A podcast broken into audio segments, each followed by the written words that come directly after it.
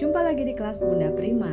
Kali ini kita akan membahas satu topik yang sangat mutakhir di abad ini, yaitu anak-anak dan gadget. Banyak sekali pertanyaan yang masuk mengenai anak-anak dan gadget. Apakah gadget itu baik untuk anak usia dini? Mulai usia berapa anak-anak bisa dikenalkan dengan gadget? Berapa jam waktu penggunaan gadget pada anak? Dan bagaimana mengatasi kecanduan pada gadget pada anak usia dini? Nah, pertanyaan-pertanyaan ini akan saya jawab diskusikan bersama-sama dalam rangkaian serial gadget dan anak-anak.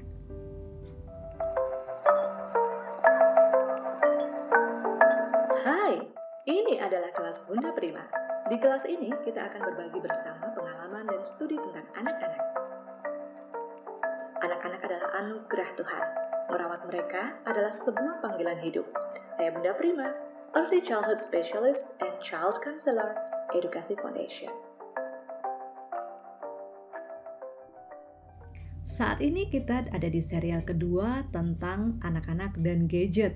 Di serial yang kedua ini, saya akan memaparkan riset mengenai media exposure atau gadget exposure terhadap anak-anak.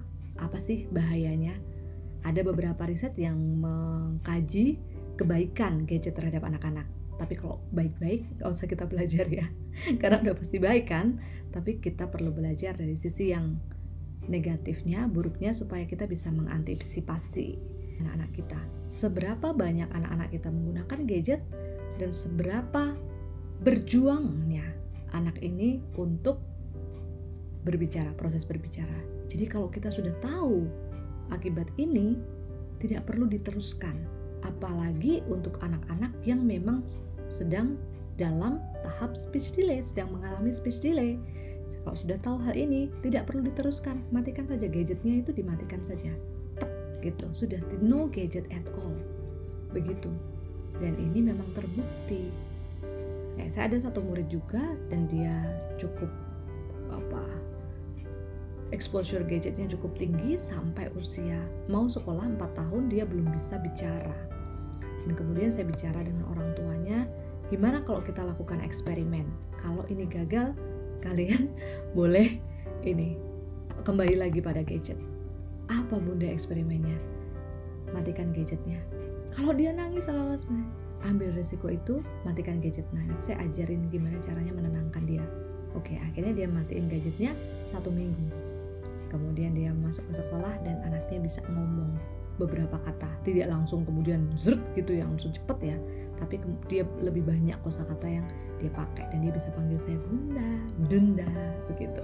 Nah ini satu hal yang sangat uh, apa faktual sehingga kita ikutin aja gitu kita lakukan saja gitu nah yang kedua ketika anak-anak itu melihat layar lebih lama mereka akan lebih mudah terserang distress. Kenapa? Karena secara sosio emosional mereka tidak berkembang, mereka hanya menatap layar. Meskipun layarnya bergerak, tapi mereka tidak berinteraksi karena mereka hanya menatap layar. Mereka perlu berinteraksi dengan caregiver atau orang dewasa. Di serial sebelumnya kita udah bahas itu, itu prinsipnya. Tapi dengan menatap layar, mereka hanya berinteraksi dengan sebuah benda mati, meskipun benda mati itu bergerak. Bukan interaksi secara holistik. Di serial 1 saya sudah menjelaskan apa arti interaksi yang dimaksud di sini ya. Itu. Kemudian yang ketiga, anak-anak itu akan menderita berbagai macam gangguan dengan mata. Sangat mudah sekali saya bisa membedakan anak-anak yang penggunaan gadgetnya tinggi atau enggak. Dari matanya itu kelihatan. Anak-anak penggunaan gadgetnya itu sangat tinggi dan mungkin sudah mendekati kecanduan, mereka akan menampilkan mata yang berkantung dan juga layu. Matanya tidak bersinar lagi, tidak berbinar. Padahal anak-anak kecil itu paling indah itu matanya matanya itu berbinar-binar gitu bersinar-sinar meresponi dunia yang baru saja mereka jalani setiap hari selalu ada yang baru dan ketika itu mentok pada gadget maka mata yang berbinar-binar itu menjadi dan juga uh, iritasi mata ya. Mereka suka jadi kedip-kedip gitu ya. Karena capek kan? Capek melihat terus dan jadi kedip-kedip. Kemudian terlalu banyak penggunaan gadget itu akan mengakibatkan apa gangguan mata yang dalam jangka waktu yang lama. Oh anak saya sehat kok gak, matanya nggak masalah sekarang, tapi itu adalah nabung untuk gangguan mata di kemudian hari. Jadi kesian ya. Nah TV beda ya dengan mobile gadget ya, sangat beda. Nanti kita jelaskan di serial selanjutnya saya akan menjelaskan dan mengupas apa sih bedanya TV dengan mobile gadget. Kualitas tidur yang menurun. Biasanya kalau anak-anak mau tidur dikasih gadget kan, padahal sebelum tidur itu adalah waktu yang paling oke okay bagi otak kita untuk mempersiapkan segala sesuatu diserap pada saat dia uh, masuk ke dari mulai keadaan sadar menuju keadaan tidur itu penyerapan yang sangat tinggi. Dan ketika itu diisi oleh gadget maka yang dia rekam adalah aktivitas dia bersama dengan benda mati itu. Beda dengan interaksi ketika kita mendongeng ada mimiknya ada suara yang naik turun ada sentuhan ada gelitikan itu dia rekam kesan itu. Dan itu menenangkan baik bagi dia. Tetapi ketika dia merekam aktivitasnya bersama dengan gadget yang mati maka itu akan memblok ya memblok uh, sistem masuknya informasi di dalam otaknya dia karena masa-masa ini masa-masa sensitif. Kenapa anak-anak yang kalau mau ngafalin itu baiknya sebelum tidur ya? Karena itu masa terbukanya, masa transisi dari mulai keadaan sadar menuju keadaan tidur dan itu masa paling baik untuk meresap, menyerap. Besok paginya dia lebih mudah untuk menghafal ya. Nah, kemudian yang menjadi concern lagi adalah advertisement. Nah, mungkin kalau untuk kali ini banyak yang sudah punya uh, security ya di gadgetnya masing-masing sehingga anak-anak tidak perlu melihat iklan.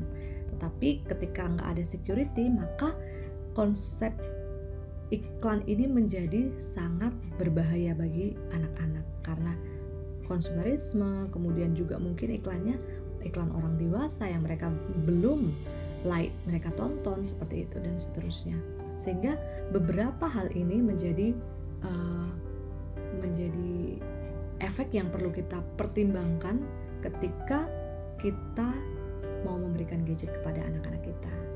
Nah, nanti bisa dicari satu eksperimen yang disebut dengan still face experiment.